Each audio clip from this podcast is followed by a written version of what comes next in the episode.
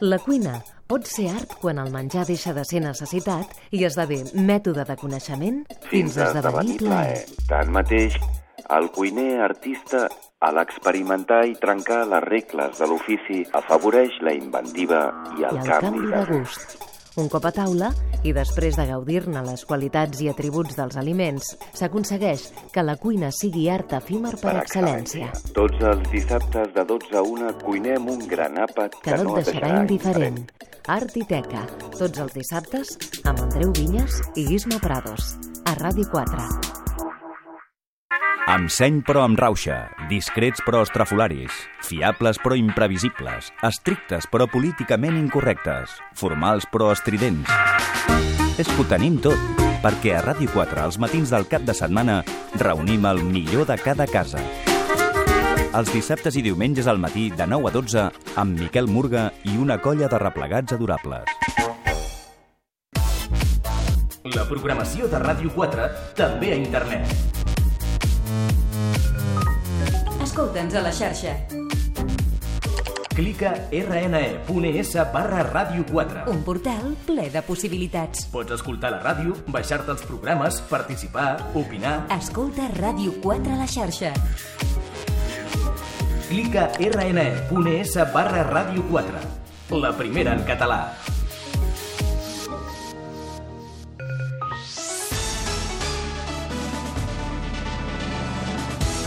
El matí a quatre bandes, amb Toni Marín.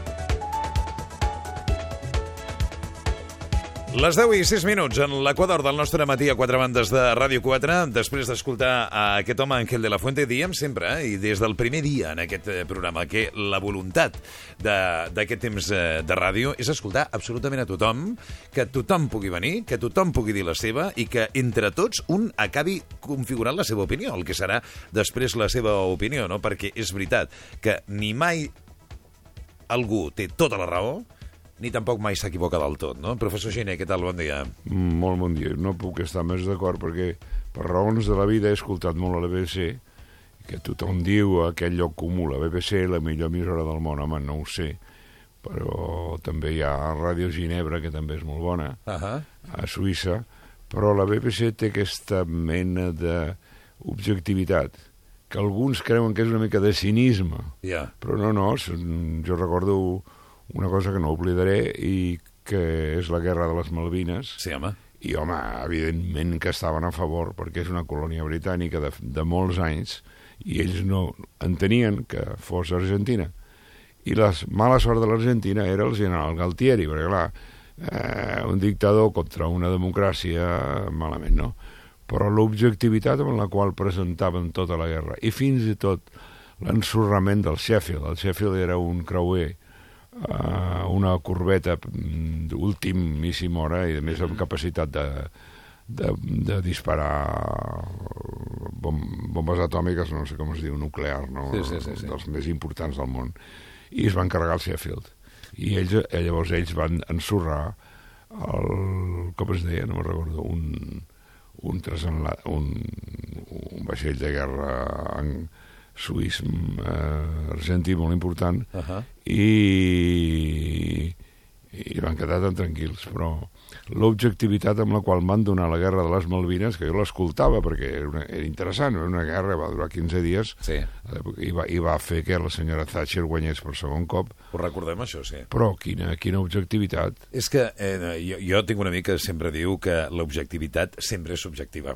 Sí, clar, No, és, és, és, un, és un valor extraordinari. És un mal... Sí, però, però gairebé impossible, no? Perquè per molt objectiu que vulguis ser... No, clar, clar que és per, objectiu. per molt objectiu que vulguis ser, sempre ho fas des de la teva perspectiva. Sí, però hi ha una no? diferència absolutament qualitativa que hem de tenir en compte, que és molt important, A veure. que és l'esforç entre ser objectiu i l'objectivitat, i, el, i el pretendre ser objectiu. Ah, això estic d'acord. si tu fas l'esforç, ja n'hi ha prou.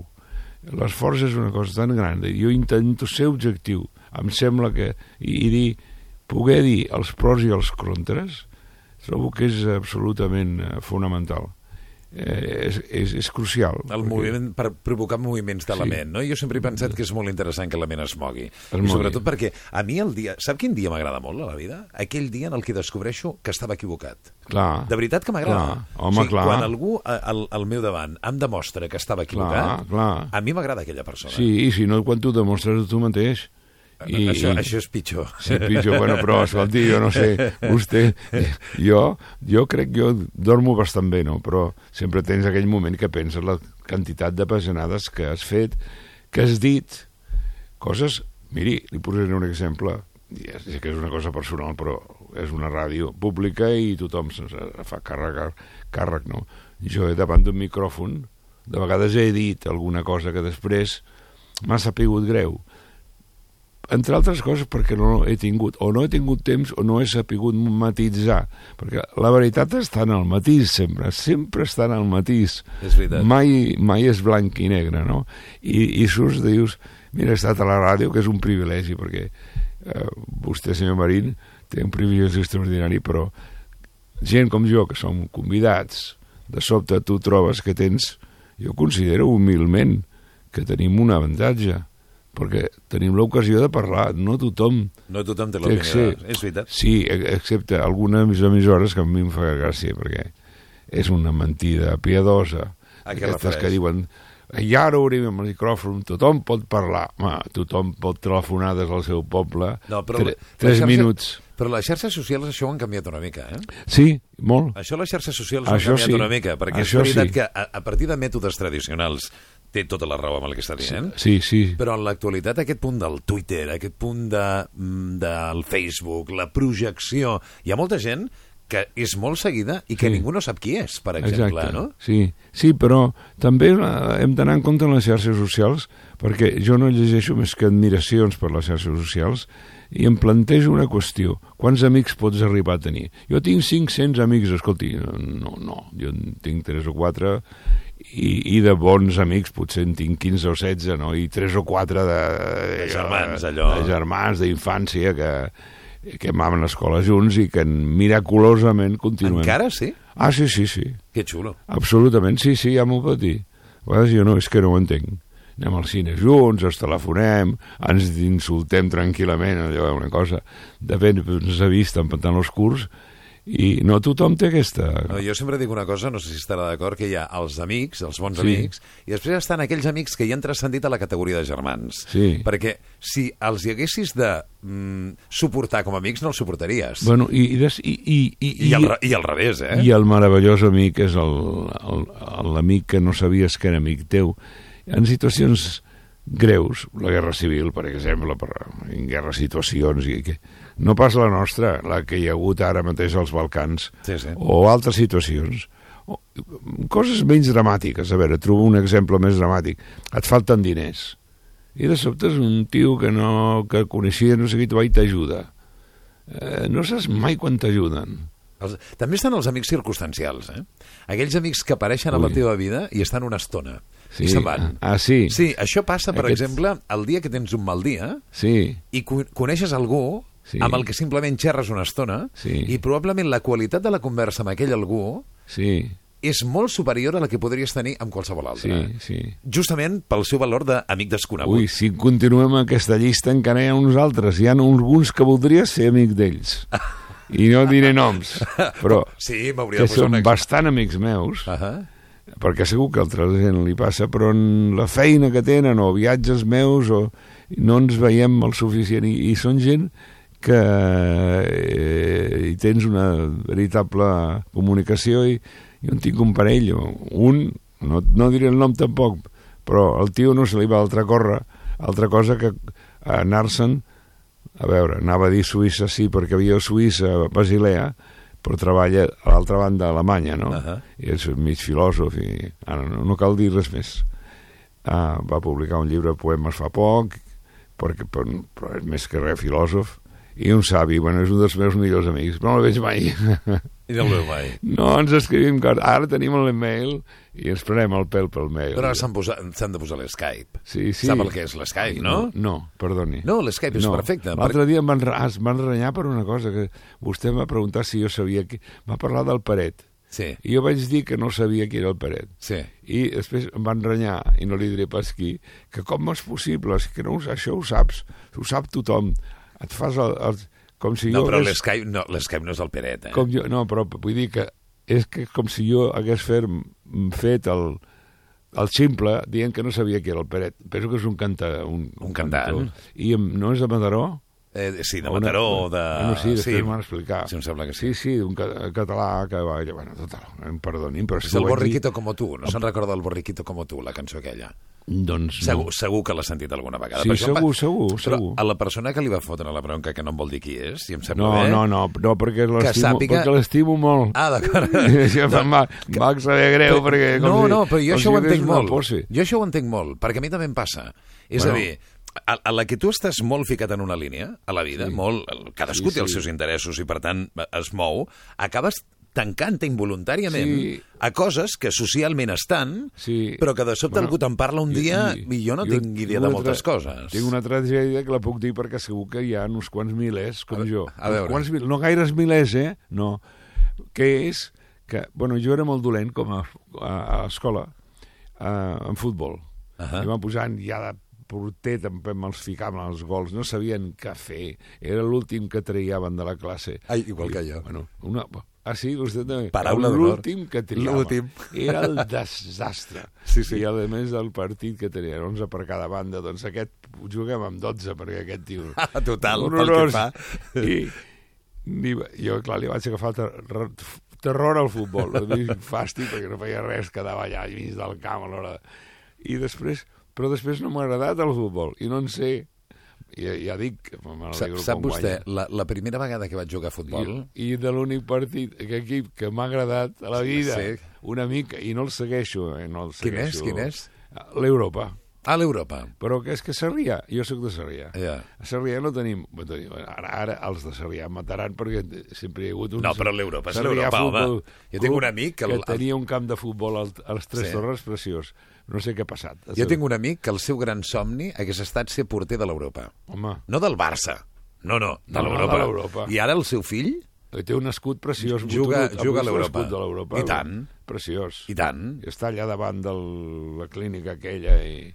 Sí, sí. Camps, un camps preciosos. És un camp preciós. A la plaça de... El meu... allà Gràcia. Un mal guanyat amic, eh, Alfons Comín, que té, bueno, jo tinc un amic en plaça, eh? Eh, que poca broma, eh? Eh, poca broma. Poca o, broma. Un, o un vell amic, pobret. Que Doncs jo la primera vegada que vaig jugar a futbol em vaig trencar el braç. Ah. I no em van tornar a enganxar mai més. Ah, jo no, i bueno, era el, el malet. Maleta, deien, i és que jo és que molt gran ja. Però a vostè li agradava l'esport o, o, és que no... No, no, no sí que m'agrada. És molt complicada aquesta pregunta, perquè m'agrada la muntanya. Ah. No pujo en muntanya cada, tots els dissabtes. Mm, a la muntanya es fa esport, eh? Sí, de, eh, jo durant bastants anys, i ara últimament ho he hagut d'interrompre, per problemes de feina, tenim, tinc un amic meu que pujàvem al Tibidabo i a baix, bueno, des de Sarrià amunt i fèiem tota la carena a Sant Pere Màrtir i, i el tornàvem a l'hora de dinar. I és bastant, eh? No es pensi, Sí, eh? perquè després també he estat als Alps suïssos i llocs d'aquests. Que maco, eh? Sí, sí, però em canso. Jo veig que sempre et passa, és que és, és horrorós. Tu vas pujant, eh? vas pim-pam, pim-pam, pujant, i de, i de sobte et passa un senyor Que va molt de més 90 ràpid. anys al teu costat que et toca un, amb el colze i passa i corre per allà. Bueno, escolta, és, és humiliant. Anava jo l'altre dia per la rebassada en bicicleta. A mi m'agrada molt la bicicleta. Sí, a mi també. Sí? Doncs hem de sortir un la dia. rebassada, jo em vaig estimbar la rebassada. Ah, sí? A una cosa espectacular i estic viu per miracle. Sap què vaig fer? Bueno, si vostè és ciclista m'entendrà. Em vaig ficar molt, passaven cotxes i em vaig posar molt, molt, molt a la dreta Sí. i sap què hi havia a terra? Què? Vostè m'entendrà el primer de tots. Què hi havia? Hi havia sorra. Ah. Bueno, una muntanyeta de Ja sorra està. per haver... Per haver I va relliscar. Eh, per arreglar la carretera. Sí. Es va Ficar la roda... la roda i jo vaig sortir volant amb Ah. l'elegància. Jo no Bueno, soc, va, això no soc ho dubto pas, elegant, perdoni. Però vostè... Que... Això no ho dubto pas, que va ser amb elegància. Com una gavina. I em vaig clavar una pinya, per no dir una... Escolti'm una cosa, i quan va en bicicleta es posa aquests mallots? No, no, jo no, amb això no, tinc no, un problema. No, no, no, no, Jo- no, jo no em vesteixo, no. Jo, això, Jo amb això li dic Ni que tinc un problema. Com vulgui. No, no, jo tinc Són dignitat. còmodes, o sigui, perquè jo ja he accedit a les malles negres, Ah, però em diuen Sí. em diuen que això, quan més de color sigui, millor. I clar, té lògica, perquè et veuen millor els cotxes, no? No, no, no. no. No? Perquè No es, veuen, es veuen uns models? No, jo porto uns, uns texans tallats, Ah, molt bé. tallats de qualsevol manera, amb unes tisores la meva dona sobre del genoll, i una samarreta i una camisa. No, jo no, no acabo de disfressar-me. No. Doncs miri que és maco, la Ja disfressa. sé, ja. Podríem anar a mirar models junts un dia, si Sí, vol. home, és com, sí, però, bueno, però vostè segur que puja amb molta força. I molt, Va, no es cregui. jo No, soc no. molt... Igual, jo, jo els canvis, tinc uns quants canvis per allà. per anar però fent, no no? masses, no masses. Escolti'm, eh, en qui- tinc tres, és una cosa molt humil. Mira quina És que, notícia. eh, no, digui. no li sembla que m'haurien de regalar una bicicleta nova? Eh, Algú, no? algú que ens estigui escoltant, potser? Sí. o- Perquè això m'ha sonat, m'ha No. sonat, professor Gené, a missatge que vostè acaba d'enviar molt subtilment, Sí, o potser no tant. No tan subtilment, no, gruller, grullerament, una Al- falca publicitària. Algú, o sigui, la història és, el professor Gené vol bicicleta nova. O Això sí, però que estigui bé. Que estigui Eh, bé. le- Les nanses que no... Bueno, jo ja demano molt. Aquestes cap avall de corredor no, Sí. no, no, no, no, No li agraden. No m'apugeixen. No, no... Ah, ha, ara ha que en tenen dos. Hi ha Ah. unes eh, de, És que, que tenen de aquestes i és que bueno, i ara són una ja mica no- cares. I, I després hi ha una cosa horrorosa. El què? Ara em renyaran i, i vostè serà el primer perquè, clar, ara parlaré malament d'una empresa, no d'una empresa, no sé ni el com el diu l'empresa. Aquestes elèctriques, Sí. no. Escolti, la no, però bicicleta no el has de renyaré, eh? és que és una altra cosa. Eh? Ah, no, és una altra, És una altra cosa, eh? Per pujar. I a mi jo visc en un carrer que fa una pujada terrible i sempre penso, si tingués una d'aquestes, l'últim tros, engegaria electricitat i combinaria el meu esforç, però perquè això d'arribar viure en un carrer com jo, que l'últim tros és horrible. És el pitjor, a mi em passa exactament Per el baixar mateix. perfecte, perquè em disparo, és una Però cosa... ara hi ha una cosa que està de moda, que és la paraula híbrids. Híbrid, sí. No? sí, és a dir, híbrid. que és el meitat-meitat, no? Això passa amb Sí. els cotxes, passa amb les No, no, bicicletes, és també. que no, híbrid vol dir que no té sexe. Bueno, ja. Sí, sí. Però vostè sap que quan es parla de bicicletes diuen que estan en aquest model híbrid. Sí, híbrid. I no, hi ha automòbils japonesos Sí. que no saben paraules europees. Sí. Híbrids. Escolti, No li agrada. Miri, miri, aquí li anava a dir que un dia veuríem el papa a la portada de la revista Ah. Rolling Stone. ah, sí que m'ho va dir. Però sí, és curiós, m'ho va dir, vaig quedar a pedra i a més he fet he fet una broma un, un, un, un, un email amb un amic Ahà. eh, per, eh, sense haver-ho vist, perquè m'ho va dir vostè l'altre dia, un Sí. noi a Anglaterra, li vaig escriure, bueno, espera, però això és extraordinari, si m'ho veure. Molt bé. Està bé, no? Sí, però són coses que passen amb els argentins, no? Que aconsegueixen eh, sortir fins i tot als Rolling Stones. Fes... Els Rolling Stones, escolti, una cosa... No? És impressionant. Els Ho dic de veritat, eh? Més això, enllà de... és, el, això és la fi de la civilització occidental. Per què? Home, perquè... O, o, o, eh, o, o el fi dels Rollings, perquè els Rolling Stones Sí. a, a, als Stones. Aquí els hi diuen el Rolling... Hi ha un problema lingüístic. Jo vivia allà, quan hi havia el Rolling, i ja és, el, són, són els Stones, les pedres. Les pedres. Ro Rolling Stone és uh, còdol. Ah, còdol, exacte. Còdol, els còdols. Sí, sí. Bueno, i, i llavors eh, venies a Barcelona i la gent et parlava del Rolling. Rolling vol dir res. No, això, això no ximpleria me, però em faci. Però bueno, ara eh, el que farà la gent per la per, per, per, per publicitat és embogir-se, no? Aquí hi ha aquest home, que és molt simpàtic, és argentí, però escolti, a veure... mm, És molt més que molt simpàtic, no, professor Gené? Eh, que, ma, escolti, és una combinació explosiva. Explosiva, estic d'acord. És jesuïta, Sí, sí. és papa, és argentí, Ho té tot. i no continuo. Eh, ja combines coses, oi? I els seus gestos Sí, connecten. una, sí, sí. No, és empàtic. Eh, eh, No, no, bueno, És veritat. O sigui, jo, jo no sé què...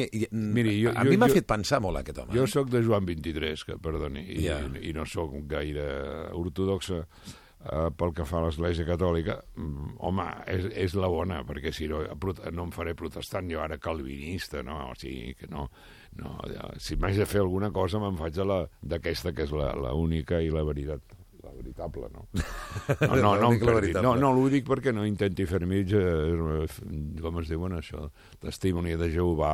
eh. No, no, no, no. no senyor Marí, No, jo no tinc cap interès. No, no, li agraeixo molt. No, li dic de veritat, no, no, no, no, tinc cap interès. Jo respecto... Jo sóc una persona profundament respectuosa amb les eleccions dels demés. Sí, però vostè, vostè va ser catòlic? De, de A mi em van batejar, sí. Ah, i, va- i, I vaig fer la comunió. La comunió l'ha fet. És més. Ah, doncs ja està. Perdoni, és més. Tenia 7 o 8 anys i vaig ser escolar i tot. Ah, sí? Sí, sí, sí. Sí. Va ser Sí. una època de la meva vida. Però en, en canvi vostè ja el guanyo, perquè a mi em van expulsar d'escolar. Ah, sí? Sí, sí. I com ho va fer, això? Sarrià, no ho sé, perquè Home, reia, per- per- reia, Perquè reia. reia, perquè reia. Jo, jo m'han castigat dos cops perquè reia. O, a, a, a, a, L'Església Catòlica, a, a Pedarròquia de Sarrià, vaig anar a estudiar doctrina cristiana amb el catecisme, Sí. en castellà, eh? El Oh, clar. catecisme castellà, Carai. I me'l sé de memòria, amb aquelles cobertes i tot això. Encara el tinc per casa. I, i bueno, no sé, jo i reia. I, no sé, el capellà va preguntar eh, quan, quantes figures componia el Déu, Uno i Trino, etc. Jo vaig dir no sé què, vaig fer una broma absolutament estúpida, que no recordo, si no la diria ara perquè riuríem molt. Uh. -huh. I segur que els primers que riurien serien els capellans, perquè, perquè tenen... Clar. Sí, perquè, perquè els d'ara són, són encantadors normalment i hi ha alguns de reaccionaris però, Però bueno. escolti, eh, és una, és una raça a extingir-se no? I, i són progres una cosa tremenda i, i bona gent i molta, però a més ara ja no va qui tria de ser capellà normalment És perquè vol ser capellà. perquè vol ser capellà Clar, clar. i, i s'ocupen més dels pobres i fi, o sigui, jo realment... És veritat, és veritat. No, Clar, no, un respecte. Clar, clar. I tant. respecte, No, tot el respecte. No, home, dir, què, I què li va a tot. passar, diu? No me'n recordo. Sí, allò que el, anaven a fer, que el van fer fora, em deia. I em em deia van que fer fora per riure... Co... Això per riure. Eh, dos cops m'han fet fora per riure. I la segona vegada l'exèrcit. Vaig fer la mili. A l'exèrcit Sí. el van fer fora per riure. Jo, sí, bueno, home, jo, jo em van prohibir d'anar a, a, a, al, al poble aquell que anaven als alferes provisionals. Sí. I, i ara ja em vindrà el nom. I em van castigar. I em van enviar a Garriguella, a un regiment 62 d'artilleria lleugera.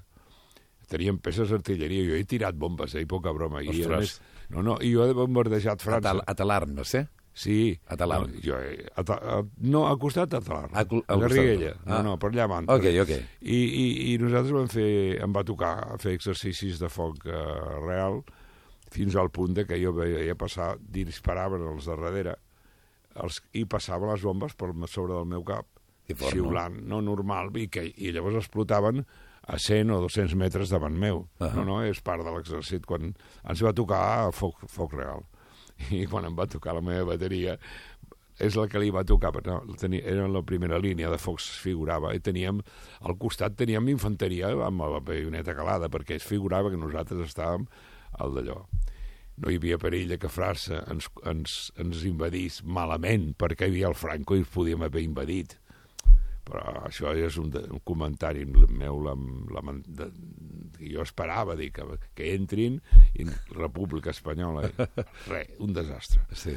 Doncs van, jo vaig bombardejar Franca, França, perquè els que estàvem a la primera línia, primera línia, primeríssima línia, a Garriguella, amb una muc més de Garriguella, que sentia, per cert, un, una falca publicitària, A que veure. sentia el, el, el, la, com diria, la reserva de tortugues més important Ah, sí? d'Espanya, de, d'Espanya, tortuga eh, eh, europea espanyola, Ah, molt bé. i, que les, i jo trobo que el camp més petit l'haurien de fer més gran per protegir aquesta bèstia tan meravellosa Què és la tortuga? i que no hi vagi tothom ara, no va tothom a Garriguell, no, hi vagin a poc a poc. Eh? Com les tortugues. és, és meravellós, és meravellós, és un animal meravellós i és un, l'un dels punts on, on, uh, on hi han, no? Uh Mhm. -huh. Bueno, no li parlaré de tortugues, que en sé bastant, perquè me les he trobat. Ja ho veig.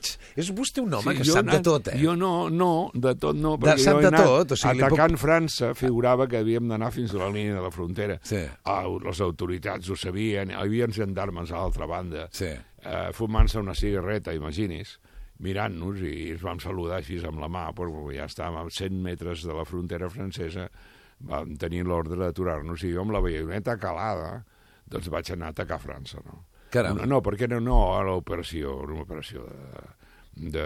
Jo no vaig fer la mili. Perquè Espanya, per- perquè vostè és un nen, però jo estava... No, home, no, jo no vaig fer la mili per excedent de cupo. Estaven entrant a la NATO, que França, o a l'OTAN, França no volia, Ja. i Espanya va dir al Franco que sí, total. I van fer operacions internacionals. I vaig, vaig atacar França amb la baioneta, però ja amb ordres absolutament... M'agrada molt el titular. Sí, però Salvador l'altra Fus. banda. Vaig atacar França amb Sí, la però tu baioneta. imagines, i a l'altra banda catalans. O sigui, el, dra el drama hagués estat horrorós. Déu-n'hi-do, eh? Però després Va estar a punt d'originar un conflicte internacional. No perquè ens vam cansar. I el meu regiment Ah, no, perquè ens vam amb un tinent, això ara que em busquin, ja, després de tants anys no em portaran Ah, al... no, segur. No em portaran. Ja han prescrit. És- el no, delicte no, prescrit. No, ha prescrit i no em portaran a la justícia militar. Un tinent molt simpàtic, Sí. que casualment, i això no té importància, parlava un català tan bo com el de vostè i jo, Sí. no sé, tinent, va agafar una colla de la seva bateria, la, la, perquè eren, però els, els artillers um, són, són diferents d'aquesta gent vulgar que els soldats, no? I, home, los artilleros somos la hòstia i la madre que No nos es parió. I dic, això ja ho sabem, eh? Dic, Clar, una cosa que no és una obscenitat, sinó una cosa coneguda. I va agafar els artillers del seu, de la seva bateria i ens va convidar a tots, a Roses, que Sí. està bastant a prop, Sí. allà a, a, com es diu aquell poble, bueno, és igual, um, que hi ha un tren. I des d'allà a Roses, uns quants quilòmetres, fent autostop. S'aturaven tots, veien soldats i un tinent. I en 5, 7 o 8 cotxes a Roses i vam anar allà i, bueno, vam anar a un bar i vam beure vi, no res, dos, dos, bé. dos gots. Escolta, quin tinent, eh? Quin tinent, eh? Simpatiquíssim. Gràcies a en aquell ple tinent- franquisme. Gràcies a aquell tinent no va esclatar la guerra eh, Mm, com a... Segur, eh? i és un tio collonut, i, i ara en aquests moments no me'n recordo el nom, i no sé si, si serà general o què serà, però era un tinent encantador. Ara, al moment de l'atac aquest a la baioneta, caram, anava darrere amb la pistola, va treure la pistola. No, és que era froc real. Caram. És que es feia, no, es feia, es feia molt poc a l'època Franco. Era tan, dia- era tan, mira, Espanya era tan pobra Ja. que les operacions, com es diuen això, les maniobres Les militars, maniobres militars, les sí. serioses, eh, quan, perquè n'hi ha, n'hi ha, que vaig tenir la mala sort de fer-ne dues, Ja. perquè no, mai, amb una mili no fas dues. Però després em va tocar aquí a prop a Montjuïc i van prendre la, van prendre la platja de Castelldefels Caram. amb l'aigua fins aquí, vam fer una mena de Normandia, va ter dir una segona, i quina mala sort. L'altre dia, l'altre dia, deixi'm que li expliqui una cosa per acabar. L'altre dia eh, estava parlant amb uns amics Sí, i els hi dic, dic, ostres, dic, estic molt content perquè hem fitxat el professor Giné, que ara ve un dia a la setmana a xerrar una estona. I, Sí. em, diu, i em diu, un diu, ah, i de què va la secció? I dic, doncs no ho sé. ni idea. dic, dic, no. dic, doncs no ho sé. Jo Ell tampoc. ve i parlem, no? Clar, que, és, sí. que és lo maco d'altra banda, no? D'altra banda, sí. Veu? Ja sí, està, Sí. ja, ja, ja ho hem fet, això. Però sap, t'imagines vostè, aquesta és la tercera vegada que tinc l'honor de, de venir. No, Sí. sí. no sóc irònic, és un honor. I, eh, i ja l'he dit, per què? Perquè és la, la persona, vostè perquè ho té el micròfon al davant, però el fet de que un ciutadà qualsevol tingui això i estigui parlant a milers de persones, doncs no sé, és un, com un estrany privilegi. Jo sempre com humil, no? Dic, bueno, quin dret tinc jo d'explicar la meva vida o explicar coses, no? Jo tinc la sensació que els oients entenen perfectament el per què està, Eh, està no, aquí. No, home, no, perquè... eh, No, eh, hi, hi ha molta gent que, que, I tant. que, que diu coses Oh, interessantíssimes. escoltem, a i- molta, nosaltres durant Sí. tota la setmana. El programa dura 4 hores. Sí, I, jo només i tinc 5 una dies a la setmana, vostè ve 20 minutets. Sí, només tinc una crítica A veure. a la gent que telefona. A veure. Que, eh, que vostè ho haurà observat, observat, vostè ho sap molt millor que jo, que la tendència de la gent, amb tot el respecte als meus conciutadans, és a parlar d'ells mateixos. És que comencen a dir, miri i tal, senyor Marín, sóc el Pepito, no sé què, o la són les, dones torquen més. Eh, llavors van i expliquen una història que els hi passa més. Clar. No generalitzen, no diuen això passa perquè doncs, no hi ha prou diners o hi ha una crisi. Parlen del seu problema Ja. i com si, fos, que, com si vostè fos un psiquiatre. No, que però per fortuna, saben- ells- Per fortuna vostè no ha caigut No. en aquests... en aquests paranys. No, però ells saben que escoltant també potser hi ha No, sí, psiquiatres també, i també hi ha altra gent que potser en un moment Home, donat clar, els pot clar, contestar i és clar que perfecte. Sí, si jo m'enganxo, si és un horror, perquè jo tinc altra feina, Ja, però la ràdio m'agrada molt, ja. la televisió no. I, i puc dir perquè hi, he anat bastants cops, i, i bueno, ja, per tantes coses perquè veus que ets lleig i dius... "Si som És una altra lleig, cosa, som és una altra lleig". cosa. Aquí no ho saben. Professor Giner, que ho hem de deixar aquí, que ara arribaran els joves. Un ple, com sempre, seguim Un el divendres vinent, eh? I moltes gràcies per convidar-me. La història era que vol una bici nova, eh? Sí, sí. Val, queda dit. No, no cal dir res més. Gràcies. No, no, res més, ni un mot. Deu, deu una cervesa o alguna cosa, eh? Sí, Professor Giner, moltes gràcies. moltíssimes gràcies. Adéu, adéu. Adéu, sí. I en el capítol anterior, al matí, a quatre bandes, Bon dia, amics i amigues. 3 minuts per recordar el millor de 4 hores de ràdio. Recuperem el que ens explicava el geobiòleg Pere León sobre les zones que no veiem a casa, però que ens poden fer la vida impossible. No es tracta de renunciar a la tecnologia, només d'expulsar-la de l'únic lloc sagrat de la casa, el dormitori. Consell número 1. les persones utilitzen el mòbil com a despertador. Mhm. Mm -hmm. Doncs ja, doncs no cal, fem servir despertadors de piles. Que com a mínim posa en modus avió perquè almenys la senyal del telèfon no estarà buscant. Serreu les dents mentre dormiu? Una pista. A les capçaleres dels llits, que ens passa la instal·lació per darrere del cap, a vegades amb unes línies elèctriques molt potents, i ens arriben 500, 700, 800 i 900 volts per metre quadrat en un dormitori. I llavors és quan passa coses com ara el bruxisme. Wifi encès a les nits? Escolteu això? Nens que estaven a prop darrere del seu aparat on dormen hi havia un wifi i el nen es feia pipí a les nits. Han desconnectat el wifi i el nen s'ha deixat de fer pipí. En poques paraules, per dormir com un so que ens recomana tornar als orígens i de veritat. Haurien d'intentar convertir els dormitoris en zones blanques. Dit d'una altra manera més, més planera, eh, tornar a l'època dels cavernícoles a, a l'hora d'anar a dormir. En el nostre afany incansable de millorar les vides dels nostres oients, ahir vam desmuntar uns quants mites amb l'ajut dels impulsors de la iniciativa per la reforma horària Ara és l'hora. El primer, que això d'anar a taula i al llit tard és una qüestió cultural. i l'efecte del pluriempleo i per tant, doncs als anys 60 tots tenim pares i avis eh, que treballaven a la fàbrica i que feien hores extres a la tarda o que treballaven a la banca al matí i a la tarda feien de comptables i això el que va fer és que en comptes de deixar de, de, o sigui, de, en comptes de dinar a la una com es feia, es va passar a dinar a les 3 i en comptes de sopar a les 7 es va, 8 es va passar a dinar a les 9 i a les 10 Ens ho explicava Fabián Moedano. El segon mite té a veure amb les hores de son. Escoltem la doctora Elvira Méndez. Som els països inclosos, els països en desenvolupament, eh? que dormim menys hores com a mitjana. I tot i dormir tan poc, ens passem més hores a la feina que ningú i ho fem per costum i per cultura empresarial. Així ho veia l'expert en recursos humans, Josep Ginesta. Quan a Europa ens diuen que tenim baixa productivitat, ho fan dient la productivitat per hora de treball, però això no és així, uh -huh. sinó que amb unitat productiva, és a dir, per persona, produïm més que els alemanys. Bones reflexions i bones idees per donar un canvi a les nostres vides, però el que no canvia mai en aquest programa són els guardons d'aquesta secció. Avui, el Lapsus Linguae de Plata de la setmana va per l'insigne Toni Marín. Això passava durant l'entrevista a l'Ester de Teatre i el director de Dones com jo, Pau Miró. Pau, és la crisi de l'edat mitjana, no? Pau, què tal? Bon dia. Què tal, L'edat mitjana no vull dir la, de la classe mitjana. De, ai, perdó, de, bueno, i de l'edat mitjana també, també no? Una també, mica. sí.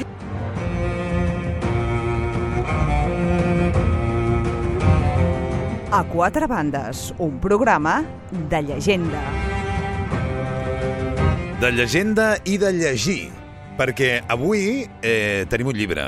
Bé, tenim un llibre molts dies, però a la nostra tertúlia jove amb l'Afra Blanco, l'Afra, bon dia. Molt bon dia. Amb el Rodrigo Martínez, bon dia, Rodrigo. Hola, bon dia. Amb el Bernat Mallent, què tal, Bernat, bon dia. Molt bé, hola, bon dia. Quant de temps sense venir, Bernat? Sí, sí, jo enyorava. Ja, és membre de Pompeonòmics, el Rodrigo és estudiant d'ADE a la Universitat de Barcelona i membre de Compromís pel Canvi, i l'Afra Blanco és la portaveu dels avalots de l'UGT, treballa en el sector ferroviari, per ja saber-ho tot, no? Avui, a, a banda de els eh, i les nostres joves, eh, hem convidat a un senyor que de joves en sap molt, no només per ser-ho, sinó per, també perquè és el president del Consell de la Joventut de Barcelona, l'Albert Claret. Què tal, Albert? Bon dia. Hola, bon dia. Benvingut a la tertúlia de joves. Moltes gràcies. Del programa. Com va la cosa? Doncs mira, mm, amb molta feina per intentar reivindicar els nostres drets en un moment bastant complicat. la. T'acaben de tocar les orelles, eh? La, l'Afra? En quin sentit? Home, no, de què és això, que publiquessis un llibre que ella no ho sapés? Bueno, home, perquè encara no, hem- no hem fet la presentació, la fem el proper 13 de febrer, Bueno, a fem- les 7.30. Fem la prepresentació aquí al programa Exactament. avui, eh? Tot el poder als joves. És, eh, com es diu, el eh, llibre de l'Albert Claret. Explica'ns una mica què és aquest llibre. En realitat aquest llibre mm, el que pretén ser és una mena de text militant, no? O sigui, no sé si sona presumptuós, però vull dir com un instrument de combat, diguem-ne, per la dignificació de la condició juvenil, Mhm. en el qual el que es ve denunciar és que hi ha tota una sèrie de generacions joves, des de fa ja bastant de temps, que han estat molt desateses pel, pel propi sistema, per la pròpia dinàmica econòmica, en el qual doncs, s'han- se'ls han vist eh, posats en entredit els seus drets fonamentals, no? d'accés a l'habitatge, d'una feina mitjanament digna, de la participació política, etc etc. i tot això ha conduït a una situació d'exclusió social bastant generalitzada en tota una generació que ara com ara demana una reacció clara per part de, de l'administració per empoderar aquells espais d'organització juvenil, aquelles persones joves que estan organitzades, que participen eh, regularment en la, en la transformació social, diguem-ne, perquè diguéssim, puguin incorporar-se de ple dret, tinguin una visibilitat que es mereixen i no quedin com una ciutadania a, a la reserva, que és el que està passant avui en dia. Dius una veu que reclama. Una veu escoltada?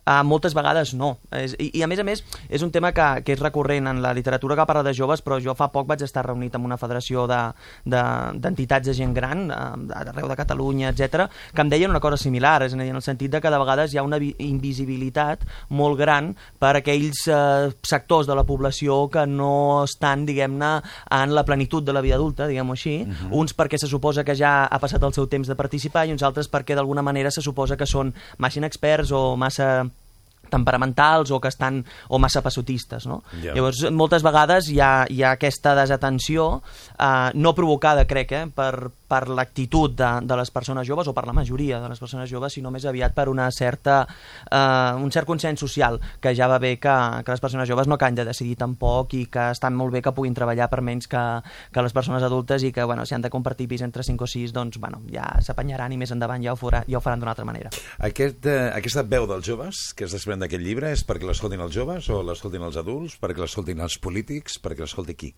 La idea és que sigui un, un petit text que sacsegi consciències, anem, anem a dir-ho així, no? Eh, eh, mm, és hereu, diguéssim, d'autor del eh, discurs que des de fa molts anys, moltes dècades, tant el Consell de la Joventut com de Barcelona, com el Consell Nacional de la Joventut de Catalunya, com tot el moviment associatiu juvenil, entitats de tot tipus, polítiques, sindicals, d'educació el lleure, etc, han vingut mantenint. És a dir, hi ha unes reivindicacions que no són noves, el que sí que he provat és, si més no, de posar-les totes en un mateix text, amb dades actualitzades i amb algunes perspectives, que és veritat que aquesta crisi que ho ha posat tot en entredit també ens dona l'oportunitat ara no, d'explorar noves escletxes. No? Ara que cal que tot canvi, és el moment també de, de fer aquest pas endavant. A l'Afra la tens entregada, no? Sí, perquè saps què passa? Jo, eh, l'Avalot directament treballa en el si del Consell, Naci- del Consell de la Joventut de Barcelona. Mhm. Jo personalment vaig estar secretària del Consell Nacional de la Joventut de Catalunya i, per tant, com a Avalot també, sempre he estat molt, molt a prop de, del treball que ell feia com a, com a president i que continua fent com a president.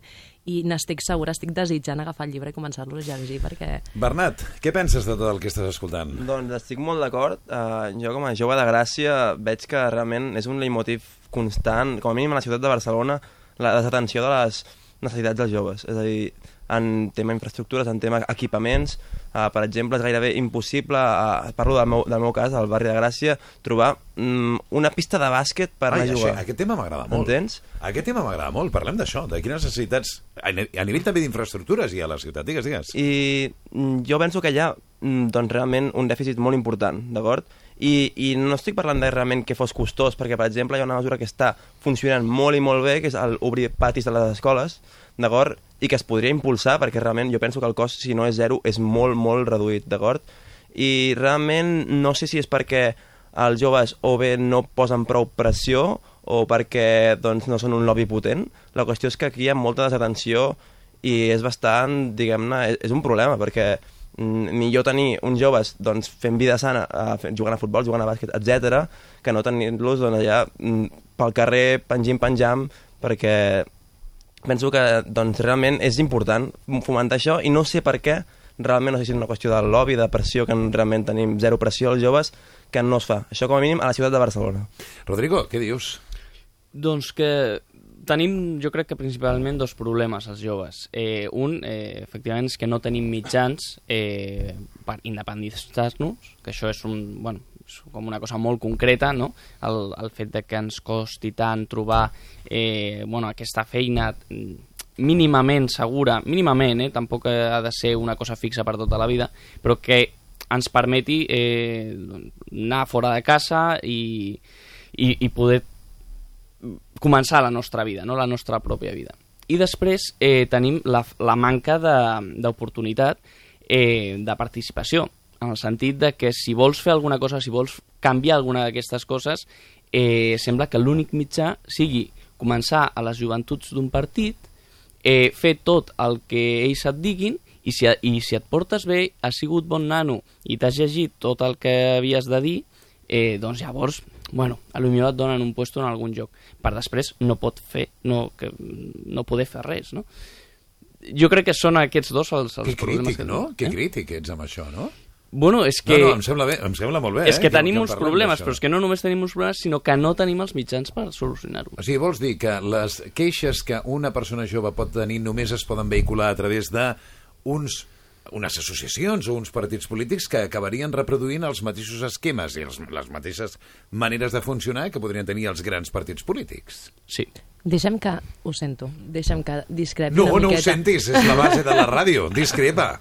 Digues, digues. Discrepo perquè evidentment, sent, sent militant de, del sindicat, t'haig de dir que per mi la millor eina de transformació que hi ha, en aquest cas, és, és una entitat sindical, i a més juvenil, o Avalot o qualsevol altra.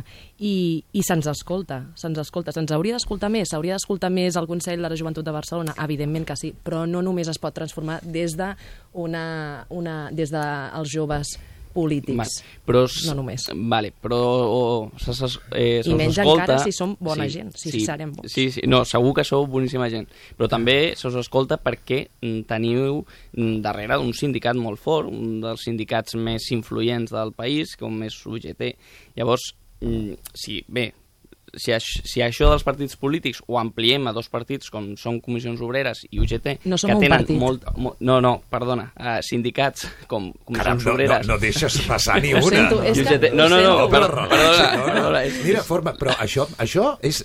Jo, jo crec que això és justament el, el que ell s'està negant, el que ell està dient. És a dir, que en el moment en què algú escolta una veu discrepant, l'oficialitat de l'associació se'l vol menjar. Saps què passa? Que l'oficial- Però, però espera un segon, escolta'l i després contesta-li, dona. Digues, Tens digues. raó. Eh, bueno, ara no me'n recordo.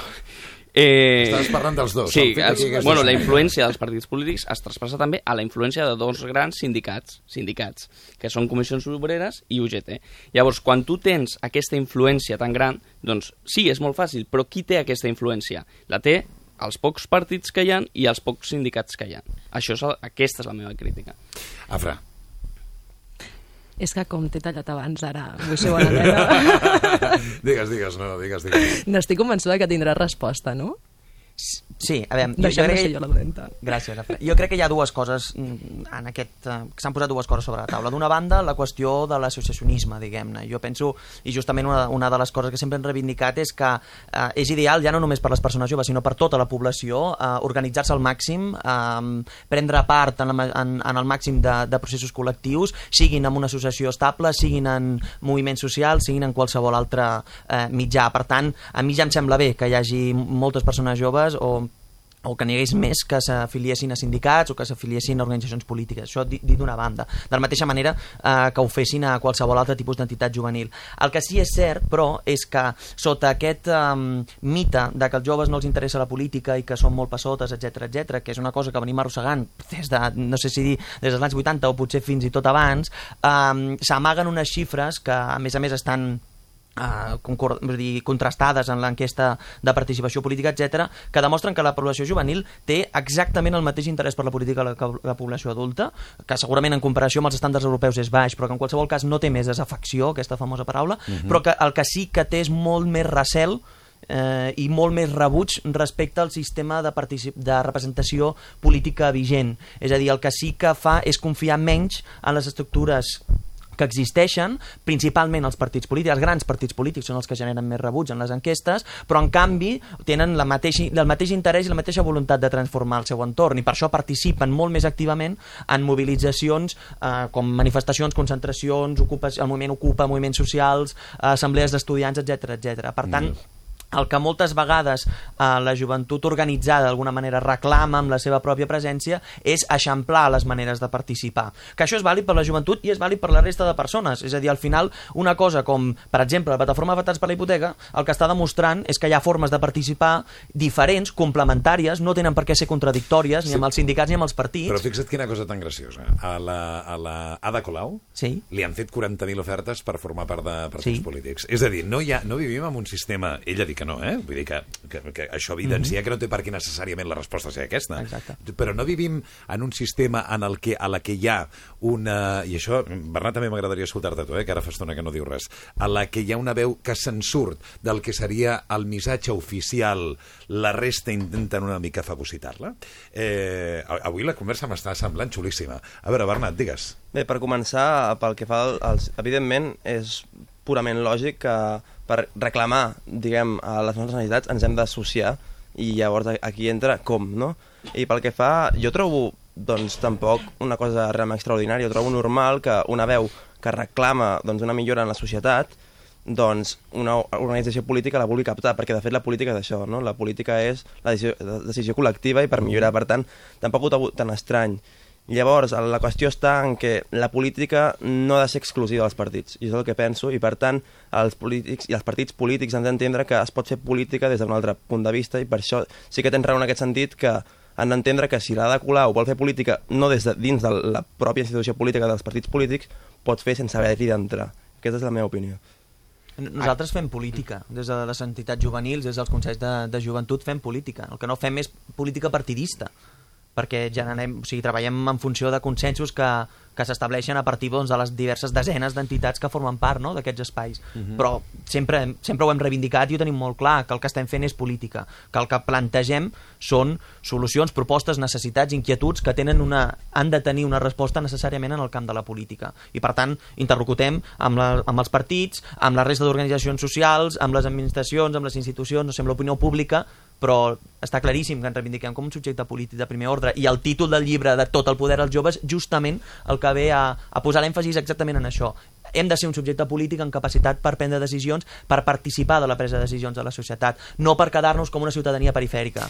I de fet... Eh, Perdona. Deixa'm un incís només. Eh, a, a, aquest discurs ni, ni, ni, ni, ni, un, ni un et ni un ut. O sigui, però no és la primera vegada que l'escolto. És a dir, la, la pregunta és, i què es fa per aconseguir-ho? Més enllà de les paraules. Eh, eh, jo el moviment jove me'l conec una mica. Eh, si, si repasses eh, la teva pròpia organització, veuràs que jo faig mm, programes de joves des de fa molts anys i, de fet, el primer Premi Barcelona Ciutat Jove me'l van donar a mi. Eh, aquests discursos els porto escoltant molts anys. La pregunta és com es passa de les paraules als fets. No? Que segurament seria lo interessant de dir com, com ho fem perquè se'ns escolti com, bueno, perquè se us escolti com, eh, com ho feu perquè realment tot això que escoltat així és inqüestionable jo crec que és de aixecar-se i dir, ostres, per cert, tens futur, eh, tio? no, ho dic en sèrio, eh? Però eh, com, tot això, ara com, com, com, com, com ho embastem perquè passi a ser, més que un discurs, una realitat, no? Afra, anaves bueno, a dir alguna fet, cosa. arrel precisament de totes les demandes i denúncies d'interlocució que hi ha hagut també amb partits polítics i agents socials, des del CNJC com des del CJB es va aconseguir en el seu moment que s'aprovés i es presentés El CJB una... és el Consell de la Joventut de Barcelona. Correcte. Digues, digues, perdona. es presentessin dos plans de mesures contra l'atur juvenil, on van poder treballar diferents eh, direm, joventuts polítiques, com diferents sindicats joves, com diferents eh, associacions juvenils de món formal i no formal, i es va presentar i es va aprovar. Vull dir, es fa necessari que algú ens escolti, i es fa algun necessari que algú ens doni suport. Totalment d'acord. Rodrigo. Bueno, la solució que preguntaves, eh, ja, ja ho he dit, jo crec que ja ho he, coment, eh, ho he comentat moltes vegades aquí al ràdio i cada vegada són més les veus que estan a favor d'això. Eh, és, és, més particip és més participació en el procés polític, no? És decidir quines són les persones, però les persones físiques que et representaran eh, al teu districte, al teu ajuntament, a la teva comunitat autònoma, al teu estat. És... Eh, per, per saber qui, té la responsabilitat... Parles de... de les llistes obertes. Eh, parlo de les llistes obertes, sí, sí, per suposat. Per, perquè és la manera de tenir, eh, de tenir a la persona que t'està representant, de tenir-la a prop, de tenir-la al teu barri, de saber qui és i de poder anar a, a preguntar-li, a demanar-li... Eh, i, i, aquest, i, i, ten, i tenir-la tan, tan propera és el, és el que farà que augmenti aquesta responsabilitat. De...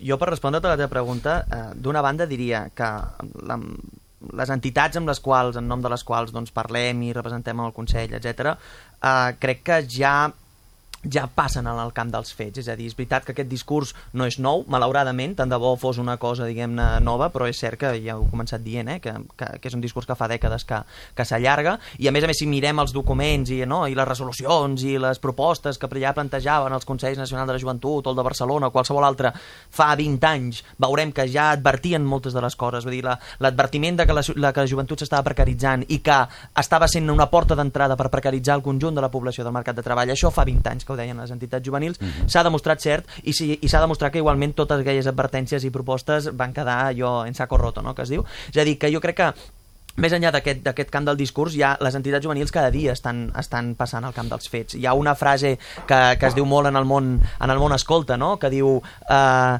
eh, moltes, eh, molts milers de petites persones des de, petites, des de petits caus fent petites accions cada dia són capaces de transformar el món no? jo crec que d'alguna manera el moviment associatiu juvenil en aquest sentit és molt optimista i diu, bueno, nosaltres continuem fent la nostra feina reivindicant-nos i sent coherents amb el que fem i amb el que diem i demanant d'alguna manera que això obri escletxes llavors per exemple hi ha, hi ha qüestions que són eixamplem la base social de la democràcia. No, no només, i ara ja no, no em foto en aquest, eh, en aquest tema per ser una altra cosa, no només per la gent sense papers, etc etc, sinó en aquest cas, per exemple, entre la gent que té 16 i 17 anys, que treballa, que pot estar cotitzant, que pot tenir responsabilitats penals, que pot tenir eh, responsabilitats civils de tota mena, perquè aquesta, aquestes persones tenen negat el dret del sufragi actiu i passiu, mm. perquè aquestes persones no poden participar. No ho arreglaríem tot. El tema de les llistes obertes, de les, de les circunscripcions electorals properes, etc etc. tot això va en la línia no? no generació no hi ha un altre repte? No hi ha un altre repte que a mi em sembla tan o més important? que és fer arribar la vostra veu a aquells joves eh, que no estan ficats en cap moviment associatiu, que eh, després se'n van a la plaça de Catalunya i li canten als sindicats o als Totalment. polítics, no, mm. no representen, eh, i que fan demandes moltes vegades que ja estan incorporades sí. eh, en els mm. programaris d'alguns eh, partits, perquè potser un dels errors, no ho sé, eh, dels moviments associatius juvenils és que, crear unes parets a les que qualsevol persona que no hi formi part ho veu com tan llunyà sí. com un partit polític. Sí. És difícil no, teniu, no teniu aquesta sensació? És difícil de vegades arribar-hi. Jo diria que no són coses contradictòries eh, i que, a més a més, l'experiència real, si estan a dins, demostra que no és així. És a dir, jo cone... coneixia molta gent que hi havia a plaça Catalunya de... de eh, experiències associatives prèvies. Vaig, vaig més enllà no? d'això. És, és dir, que, hi havia, que hi ha una no, barreja, que una perdona, cosa no, perdona, perdona un moment, no perquè ja només per anar-te'n a la plaça Catalunya ja necessites un cert caire de moviment. Hi ha gent que no surt mai a, a mobilitzar-se. Hi ha gent que considera que... I això ho sabeu vosaltres també com Però jo, perquè no? té la sensació de que no serveix de res. Això el, el, problema que el que s'ha de fer és apoderar aquests espais, no? Justament, és, apoderar vol dir transferir el poder, deixar que prenguin part en les decisions, el que comentava el abans, no, el Rodrigo, el, eh, o sigui, ampliar les formes de participació perquè valgui la pena participar. És a dir, hi ha gent que estem tota la santa vida intentant no treure el nas a tots els espais de decisió, participar al màxim, traslladar el discurs, etc etc i ens adonem que suposa moltes vegades una pèrdua d'hores molt, molt important i no tothom està disposat a fer ah, aquest, aquest esforç. Albert, no? perdona, sí que hi estic d'acord, però hi han dues coses. No poso un dubte al treball que nosaltres fem, perquè de fet no el poso en cap moment i el fem, però tenim un problema de transmetre. Hem d'arribar a transmetre a tots els mm. joves, els hem de sensibilitzar, els hem de fer entendre que, que es pot arribar i es pot treballar i es pot construir al nostre costat i això és un tema que és... In... Vull dir que ho tenim tots clar, tots els que participem, de, participem del món associatiu. Hem de buscar les mesures o, la, o, la, o les vies, però tot jove s'ha de sentir identificat amb nosaltres. Què dius, Bernat?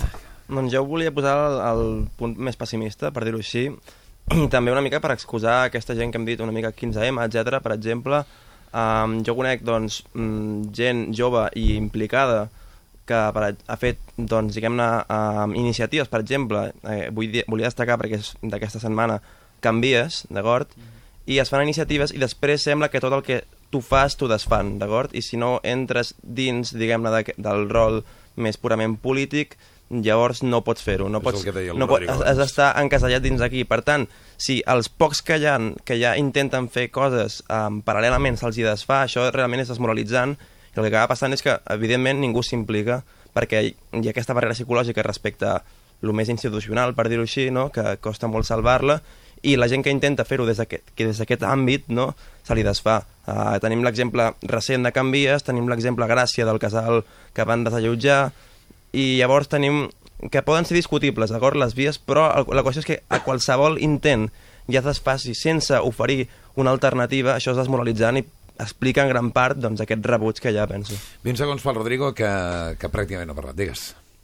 Jo, la veritat, és que no, no anava a dir res més. No anaves a dir res més? Està bé, jo, doncs el meu mira. resum és acabem amb el sistema i, ah, i llavors comencem. Caram, eh, Albert... Fem un reset. No, jo l'única cosa que volia afegir a tot segons, el que s'ha eh? dit, sí, és que lluitem en contra d'un amic molt poderós. És a dir, fa, la, fa una parell de setmanes sortia un estudi que demostrava que hi ha un pessimisme generacional molt estès entre la nostra, la nostra generació, no? de gent que no, no té confiança en el futur. I això és molt difícil de, de combatre. És per això que el futur ha de conquistar el futur.